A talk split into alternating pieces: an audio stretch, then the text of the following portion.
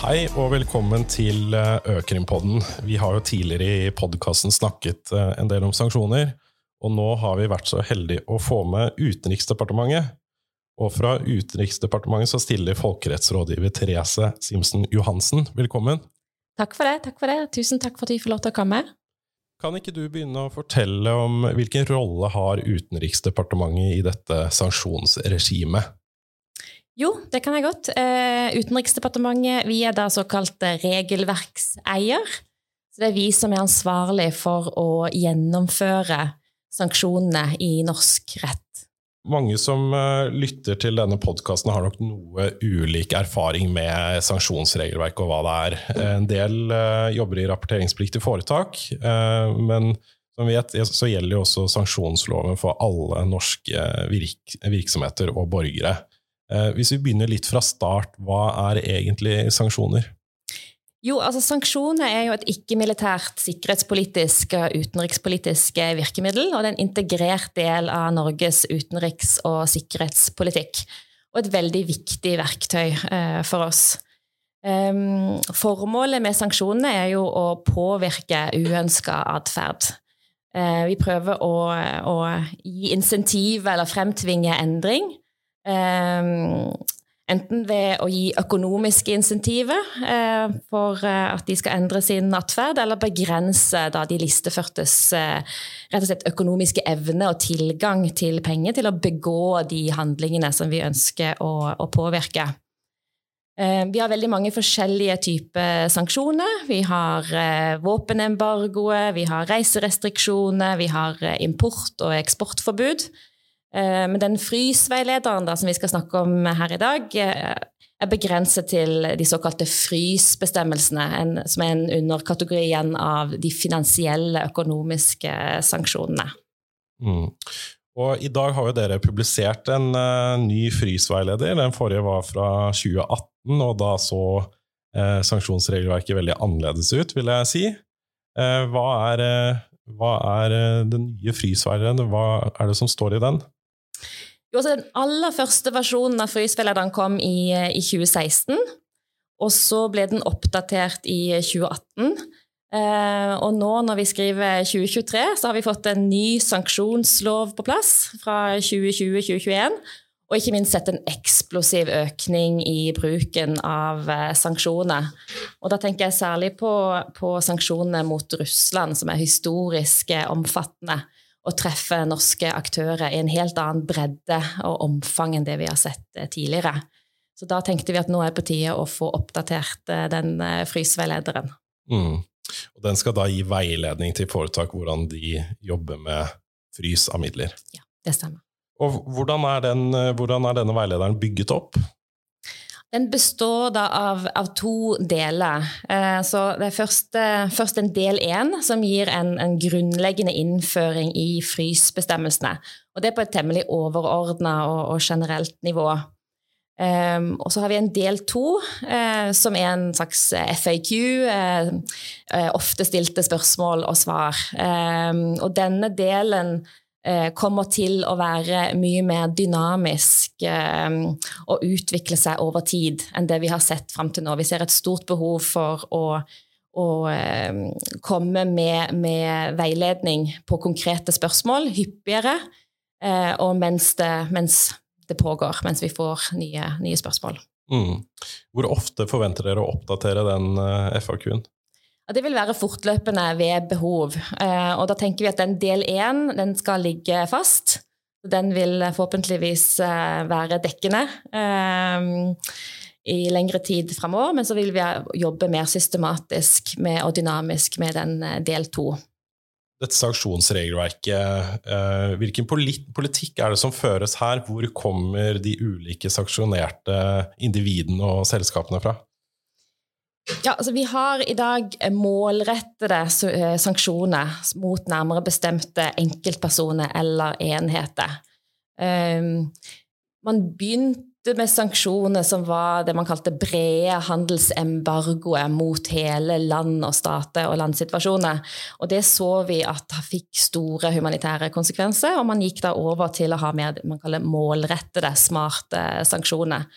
Um, og det går i stor grad ut på at man velger seg ut um, nærmere angitte personer og enheter som er direkte involvert i de handlingene som vi ønsker å, å påvirke i en positiv retning.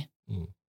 Disse sanksjonene kommer jo fra FN, eh, FNs sikkerhetsråd og fra EU. Er det sånn at eh, Norge også gjennomfører egne sanksjoner utover dette? Nei, eh, Norge har ikke tradisjon for å gjennomføre det vi kaller unilaterale sanksjoner, altså sanksjoner på, på egen hånd. Eh, så på den måten er vi i en ganske sånn spesiell situasjon som egentlig avviker fra veldig mange av eh, våre, våre, nærstående samarbeidspartnere på sanksjonsfeltet. Vi er i stor grad mottakere av sanksjoner, eh, heller enn at vi, det er vi som lager og utvikler sanksjoner. Ehm, de få gangene vi er medlem i FNs sikkerhetsråd, er vi selvfølgelig med å påvirke innholdet i sanksjonene. Eh, og det har vi jo nylig vært. Ehm, men eh, i en normal situasjon så er Norge mottaker av sanksjoner som er vedtatt enten av eh, Sikkerhetsrådets medlemmer eller EU. Mm. Og det henger jo også sammen med at vi er en veldig liten jurisdiksjon og tett sammenvevd med, med EU som EØS-medlem. Og vi opplever at det er et veldig sterkt ønske fra næringslivet og aktører eh, som uansett må forholde seg til EUs sanksjoner, at vi også legger oss så tett opp mot EUs sanksjoner som mulig. Mm. Og hvem er det som må forholde seg til eh, sanksjonsloven? Det er jo eh, alle i, i, Norge, strengt tatt. Eh, I hvert fall alle som, eh, som eh, det vi kaller eksponert mot sanksjonsrisiko. Det vil si at de driver med type import, eksport eller internasjonale trans transaksjoner av en eller annen slag. I den norske sanksjonsloven så har vi jo definert virkeområdet til loven, og den gjelder jo veldig, veldig bredt gjelder på norsk territorium, gjelder om bord på alle norske mm, fartøy, også luftfartøy og boreplattformer og andre innretningene som er under norsk jurisdiksjon. Gjelder for alle norske statsborgere og personer med bosted i Norge, og alle foretak som er registrert i foretaksregisteret. Um, og alle foretak med hensyn til den forretningsvirksomheten som de da driver helt eller delvis i Norge. Eh, og dette betyr at alle i Norge har en selvstendig plikt til å overholde sanksjonsregelverket, og i det minste vurdere egen risiko ut fra egen virksomhet, om man kommer i berøring eller kan komme i berøring med sanksjonsregelverket. Mm.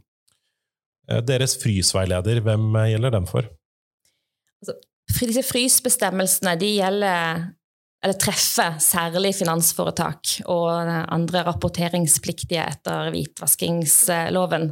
Eh, og det har jo med å gjøre at det er de som har størst risiko for å komme i kontakt med listeførte personer og enheter, og bli på mange måter et slags eh, førstelinjeforsvar for å strupe tilgangen til økonomiske midler for de som er listefart, eh, listeførte. Men, men, alle de som driver virksomhet internasjonalt, eller på andre måter kan komme i kontakt med listeførte personer eller enheter, de må sette seg inn i sanksjonsregelverket, og da kan fryseveilederen være et første stopp eh, for å orientere seg i, i, de reglene. Og vi forventer også at alle gjør egne vurderinger og søker juridisk bistand eh, ved behov. Vi var jo inne på det nå også, da er det jo greit eh, for virksomheter også vite at når man også handler internasjonalt, så må man selvfølgelig følge sanksjonsregelverket i Norge, og da følge med på listeførte personer og selskaper som kommer fra FN og EU, men eh, også vurdere da om man er eh, underlagt sanksjonsregelverket i USA, Storbritannia og eventuelt andre land eh, hvor de opererer. Og da kan det være ulike personer som er listeført, og man må da være klar over også hvilke myndigheter man skal rapportere, og kanskje man også skal rapportere både til Norge og, og andre lands myndigheter samtidig. Men når er det, i, hvis vi ser på det norske sanksjonsregelverket her, når er det virksomheter skal rapportere? Den som fryser penger eller formuesgode, må rapportere om det til Utenriksdepartementet. Um, og kanskje si litt om det begrepet 'fryse', som kan kanskje skape noen uh, misforståelse eller forvirring. Det kommer jo fra det engelske ordet freeze, freeze of assets. Um, og så har vi uh, anglifisert det om til å fryse på norsk. Det handler jo om, om, å, om å, strupe tilgang til økonomiske midler. Um, så en bank, helt klassisk eksempel, har en kunde som er listeført, må da sørge for at kunden ikke lenger har tilgang til den kontoen. Kan ikke ta ut penger fra den kontoen. Eh, så det er veldig helt eh, grunnleggende. Så dersom en bank har en kunde som er listeført, og har stanset tilgang til den kontoen til den listeførte, så må man skrive en, en såkalt frysmelding og sende til, til Utenriksdepartementet om det.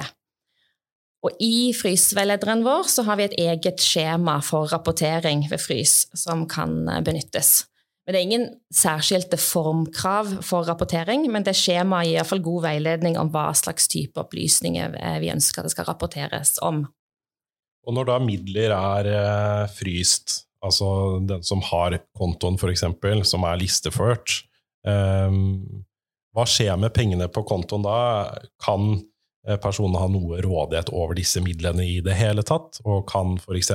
penger fortsatt settes inn på denne bankkontoen? Ja, altså den, den, listeførte har ikke mistet eiendomsretten til midlene. Eh, det diskuteres jo i hvilken grad man kan eh, konfiskere midler til listeførte. Eh, men det krever jo i så fall et eget rettslig grunnlag. Og det at en bankkonto er blitt fryst, betyr kun at den listeførte ikke lenger skal ha rådighet eller ha tilgang til de pengene. Eh, men rente f.eks. kan fremdeles tilgodeses den kontoen. Eh, det er også mulig f.eks. dersom man skal oppfylle en, en, kontrakt som ble inngått før eh, vedkommende person eller selskap ble listeført, så kan man betale med frigjørende virkning den, i henhold til den kontrakten, så lenge de pengene går inn på en konto som er fryst, og som da den listeførte ikke har tilgang til. Og vi snakket jo om uh, rapportering til uh, Utenriksdepartementet uh, og skjema. Hvor er det dette skal sendes inn? Det skal sendes inn til Utenriksdepartementet. Da har vi en e-postadresse e som heter sanksjoner.mfa.no. Og en nyvinning nå med frysveilederen er at det blir tilstrekkelig å sende frysmeldingen til UD. Og så vil UD deretter vurdere videresending til Finanstilsynet, PST og Økokrim. Mm. I hvilke situasjoner da kan det forventes at eh, virksomheter skal fryse, da, eller sperre midler? Det er jo vanskelig å svare på helt uh, generelt, men dersom man har mistanke eller indikasjoner på at man er i besittelse av eller har kontroll over midler som tilhører en listeført, så skal disse midlene umiddelbart fryses. Og I tillegg er det veldig viktig å sikre at midlene forblir fryst mens videre undersøkelse gjennomføres. Så frys først, og dersom man er i tvil eh, og trenger videre veiledning eller dialog med Utenriksdepartementet, så ta kontakt med oss. Eh, men sørg for at eh, kontoene eller midlene er fryst så lenge eh, man er usikker på om midlene kan tilhøre en listeført. Sanksjonsregelverket pålegger jo alle å være aktsomme og gjennomføre såkalt aktsomhetskontroll, altså due diligence. Hva innebærer det?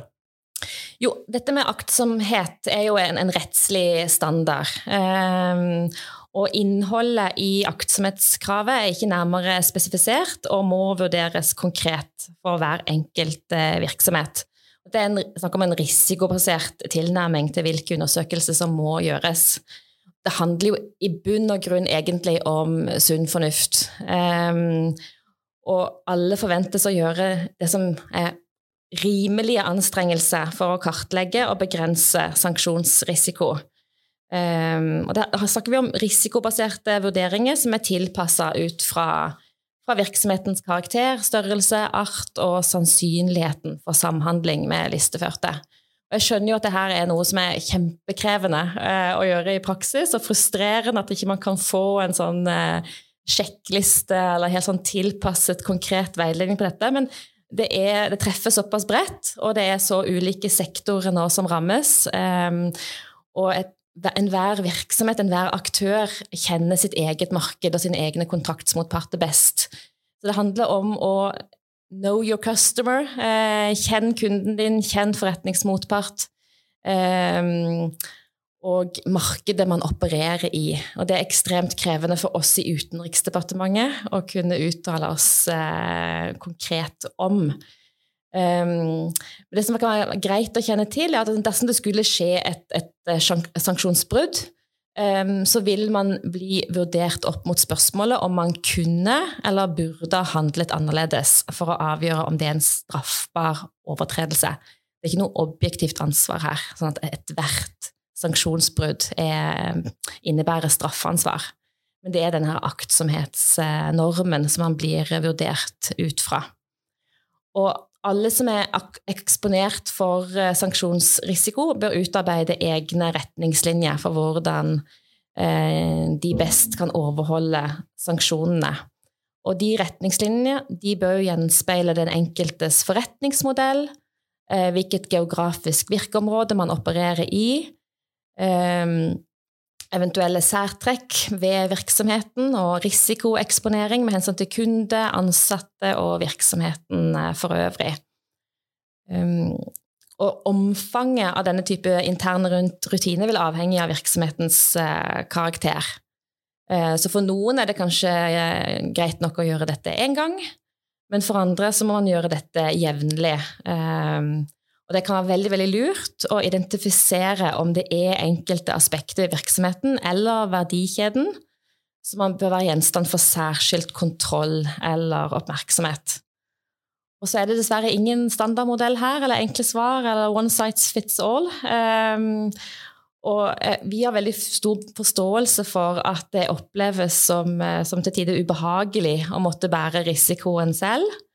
Um, og særlig nå hvor sanksjonsregelverket treffer nye aktører som ikke har vært vant til å måtte forholde seg til sanksjonsregelverket på samme måte før.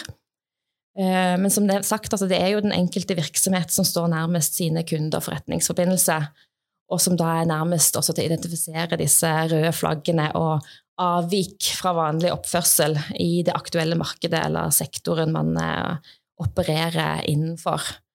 Um, og her er det jo eh, stor risiko også for omgåelse, uh, og at man forsøker å finne nye um, ruter og handelspartnere. Um, særlig hvis man er eksponert opp mot Russland og Belarus, sånn som saken, situasjonen er nå, så bør man være ekstra påpasselig med å gjennomgå egne, egne rutiner. Stille noen ekstra kontrollspørsmål dersom det f.eks. kommer bestillinger fra fra et, en ny aktør som man kanskje ikke har vært i kontakt med, med tidligere.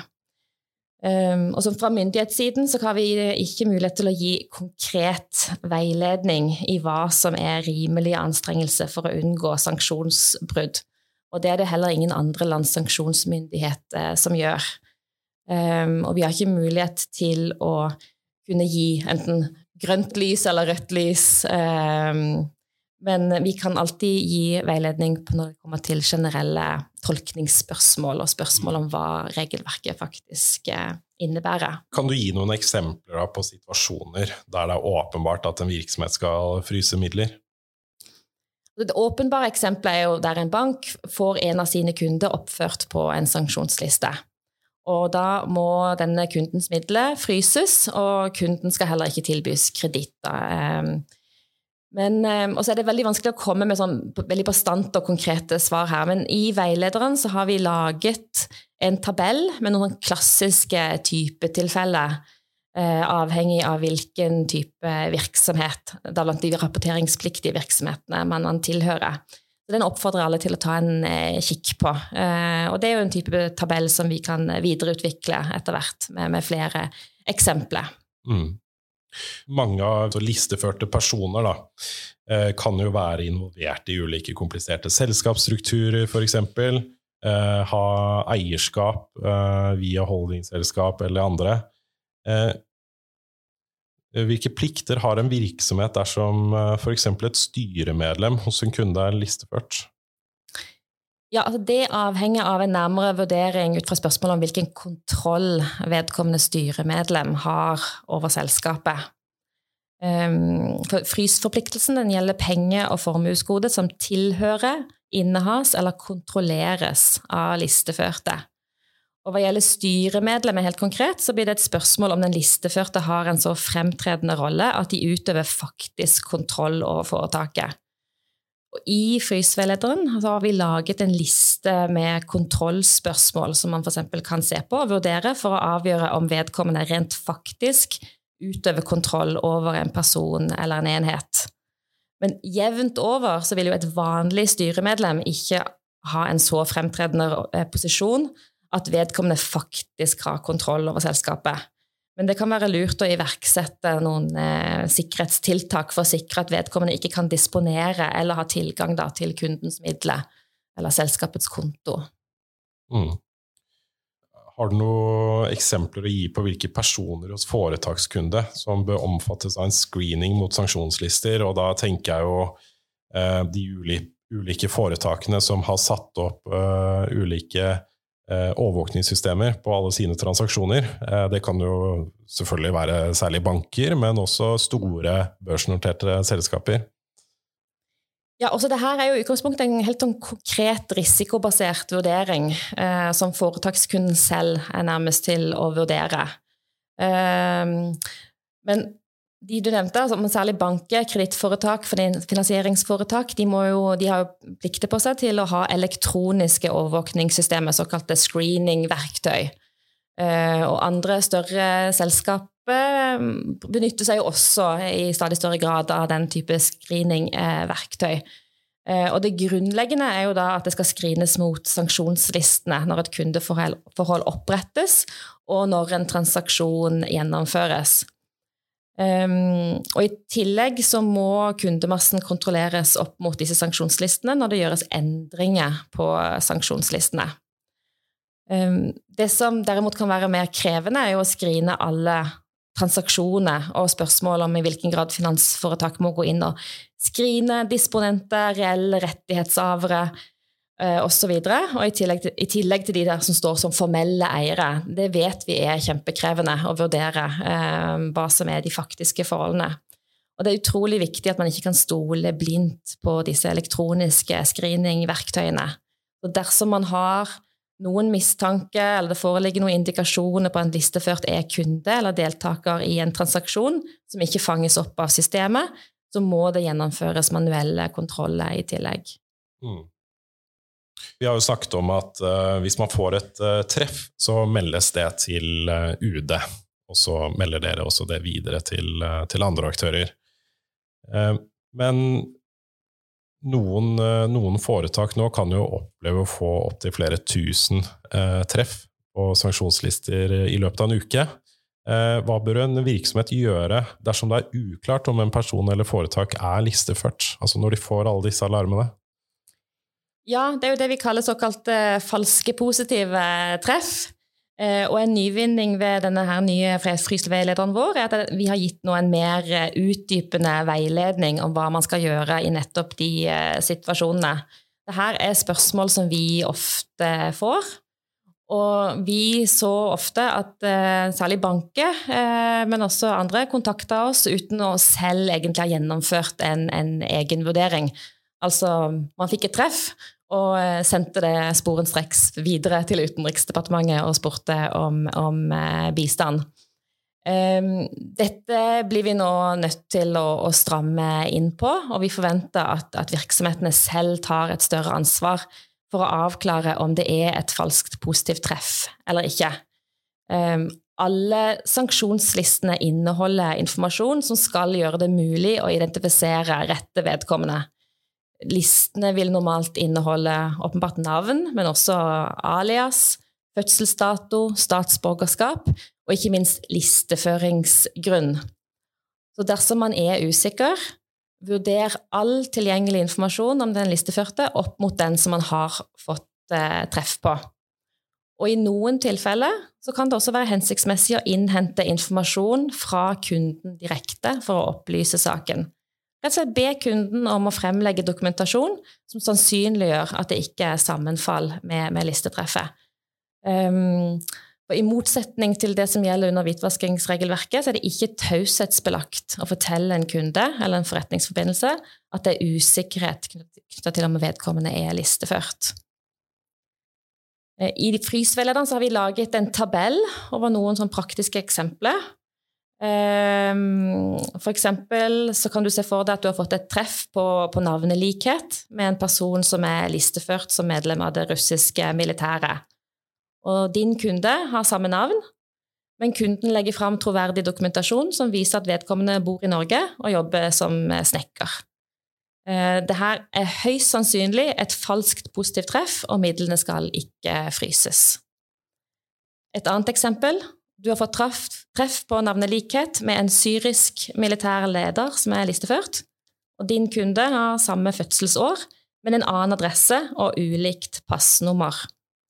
Og videre undersøkelse gir ikke klarhet i om det faktisk er den listeførte personen. Da kan det være samme person som den listeførte, og et mulig forsøk på å omgå sanksjonene. Og midlene må da forbli fryst, og UD skal kontaktes. Det var bare to eksempler som kanskje illustrerer ytterpunktene, men så er det også flere eksempler i, i denne tabellen i veilederen vår. Hvis man fortsatt er usikker etter at man har foretatt en grundig egenvurdering, så kan Utenriksdepartementet selvfølgelig kontaktes. Og man må da sende kopi av egenvurderingen som er gjennomført, og all tilgjengelig informasjon som man har eh, tilgang eh, Så håper vi at dette vil sette virksomhetene i bedre stand til å selv avklare falske positive treff. Eh, og det vil jo innebære en mye raskere avklaring, både for kundene og, og bankene. Innenfor dette regimet har vi noe som også kalles for båndlegging. Eh, er det noen forskjeller på båndlegging og frys? Altså, litt enkelt forklart så kan man si at effekten er jo den samme, og så hviler det på svært ulike rettslige grunnlag. Og det rettslige grunnlaget for båndlegging følger politiloven paragraf 17 g, mens frysbestemmelsene er hjemla i de enkelte sanksjonsforskriftene. Og når det gjelder finansielle tiltak mot personer som mistenkes for terrorvirksomhet, så må det skilles mellom personer som er listeført av FNs sikkerhetsråd pga. sin tilknytning til enten ISIL eller Al Qaida, og personer som er underlagt en beslutning om båndlegging etter politiloven paragraf 17 g. Eh, og båndleggingsbeslutningene ble tidligere publisert på nettstedet hvitvasking.no, men vil nå fremover bli publisert på pst.no. Og så er det også sånn at Alle har selv ansvar for å holde seg oppdatert om beslutninger som er publisert der, og ha gode rutiner på plass som sikrer at eventuelle midler, midler båndlegges umiddelbart, dvs. Si senest innen noen timer. Mm. Vi har jo også snakket litt om, eh, om, banker og andre foretak som er eh, underlagt hvitvaskingsregelverket. Eh, har dere noen spesielle forventninger til disse aktørene sammenlignet med andre? Utenriksdepartementet har vært, generell i veiledning og ikke gått ut med noen generelle forventninger til foretak som er rapporteringspliktige etter hvitvaskingsloven. Eh, og Finanstilsynet har presisert at det forventes at alle foretak under tilsyn har gode rutiner og systemer for å kunne etterleve sanksjonsregelverket, og dette stiller UD seg bak. Eh, og dette er jo også aktører som vi forventer har større grad av profesjonalitet enn en ren privatperson eller mindre bedrifter. Jeg tenkte også at det er viktig å nevne at eh, det følger jo av hvitvaskingsregelverket at banker, kredittforetak og finansieringsforetak de må ha elektroniske overvåkingssystemer for å identifisere transaksjoner tilknyttet personer som er underlagt eh, sanksjoner. Altså Systemene skal identifisere personer som kan være underlagt sanksjoner som er gjennomført i norsk rett, samt transaksjoner som kan være tilknyttet listeførte. Og det er også en forventning om at sånne foretak har kjennskap til eventuelle svakheter ved systemet de benytter til sanksjonsscreening. Og ofte sånn eh, personer som listeføres, eller det er foretak eller land eller lignende. Eh, sanksjonsbestemmelser rammer jo ofte ulike konfliktområder i verden, eh, for det er jo også et politisk virkemiddel. På den andre siden da så har du jo ofte NGO-er, altså organisasjoner som driver humanitært arbeid.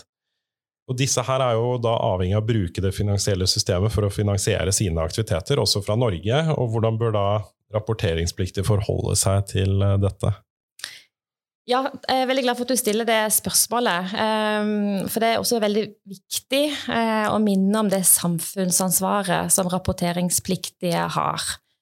Eh, og da snakker vi særlig om disse humanitære unntakene som, som eh, er bygd inn i sanksjonsregelverket. Og, og, viktigheten av å unngå det vi kaller utilsiktede negative konsekvenser både for privatpersoner og sivilsamfunn som ikke er ment å, å bli rammet av sanksjonene. Eh, frysbestemmelsene er jo på ingen måte absolutte bestemmelser. Eh, og de skal ikke være til hinder for at personer får dekket helt livsnødvendige utgifter som mat, husleie, medisiner eh, eller juridisk bistand. Og da snakker jeg ikke om juridisk bistand til å kunne omgå sanksjonsregelverket, men f.eks. juridisk bistand for å kunne imøtegå en listeføring dersom man mener man er blitt listeført på feil grunnlag. Um, dette er bestemmelsen også gjelder for de listeførte og listeførte enheter. Selv om man er listeført f.eks. For uh, fordi at man uh, er medlem av ISIL Al Qaida, så har man fremdeles rett til å få tilgang til midler, så man kan få dekket livsnødvendige utgifter til mat og medisiner.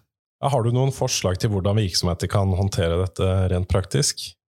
Altså rent praktisk, dersom man har eh, en listeført kunde som har behov for å få tilgang til helt grunnleggende midler for å få dekket utgifter til mat og husleie og medisiner, så må man søke Utenriksdepartementet om det. Eh, og dersom vedkommende er listeført av FNs sikkerhetsråd, så må vi videreformidle den søknaden til Sikkerhetsrådet, som da etter en kort stille prosedyre endelig avgjør om disse midlene kan eh, frigjøres. Noe, noe, jeg tenker på også når virksomheter skal etterleve dette regelverket. Um, som vi har sagt om, så er det ulike aktører, men mange er jo også forpliktet til å etterleve en god del andre lover og regler. Så de har etablert uh, gode compliance-program. Uh, og i den forbindelse så er det kanskje noe om risikoappetitt. altså Det sier noe om at virksomheten kanskje har nulltoleranse for å være involvert i eh, sanksjonsbrudd, f.eks., eller nulltoleranse for hvitvasking og terrorfinansiering. Eh, har dere noen idé om eh, Er det et problem med eh, de-risking, f.eks., knyttet til eh, sanksjonsregimet? Altså Er noen ikke villig til å ta en risiko? Tenk, hva tenker dere om dette? Ja, det ser vi jo er en, en utfordring. Um, og det som er veldig viktig å være oppmerksom på, er at uh, det gode kan bli det bestes fiende, hvis man kan si det sånn. Ehm, og de fleste sanksjonsforskriftene de inneholder eksplisitte unntak, både for å liksom, dekket livsnødvendige utgifter, som jeg snakket om i stad, men også dette med humanitær, eh, humanitære unntak ehm, for å kunne tilrettelegge for humanitær virksomhet. Ehm, og dette er jo virksomhet som er sterkt ønsket fra norsk side, og som ofte er finansiert eh, enten direkte eller indirekte av Norge. Så fra myndighetssiden så vil vi oppfordre alle norske aktører til å legge til rette for at humanitære aktører kan gjennomføre transaksjoner som er omfattet av humanitære unntak. Uh, og disse humanitære unntakene, da må man lese de enkelte unntakene, men de fleste av disse unntakene gjelder automatisk. Og da trenger man ikke å søke Utenriksdepartementet særskilt uh, om det. Um, vi har stor forståelse for at det ut fra rent kommersielle og praktiske hensyn kan være fristende å bare avvise alle transaksjoner til sanksjonerte land. Og vi vet også at dette er transaksjoner som man ikke nødvendigvis tjener noe penger på, og man eh, må jobbe ganske mye overfor korrespondentbanker eller andre som er involvert i transaksjonen for å få det til. Um, men vi ser på den mer politiske siden at uh, utstrakt eh, det vi kaller overcompliance, de-risking i finanssektoren eller andre aktører, det brukes aktivt av nettopp listeførte aktører for å undergrave legitimiteten og dermed effekten av sanksjonene. Um, og bistand og humanitær assistanse det er helt avgjørende for å nettopp demme opp mot den ustabiliteten og de væpnede konfliktene terrorvirksomheten og den uønskede atferden som sanksjonene søker å få endret på. Så Derfor eh, tilbyr vi eh, litt ekstra veiledning på dette punktet når det gjelder å støtte humanitære aktører og legge til rette for humanitær tilgang. Så hvis man er i tvil, eh, ta kontakt med UD. Og eh, vær bevisst det samfunnsansvaret man har for å legge til rette for denne type helt livsnødvendig virksomhet.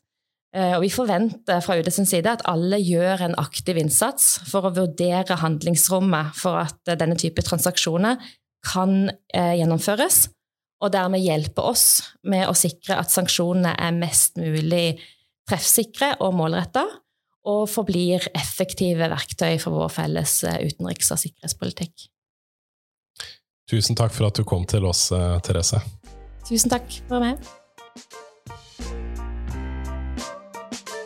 Du har nå lyttet til Økrimpodden, en podkast om økonomisk kriminalitet fra advokatfirmaet Erling Grimstad. Husk å følge podkasten der du lytter til podkast.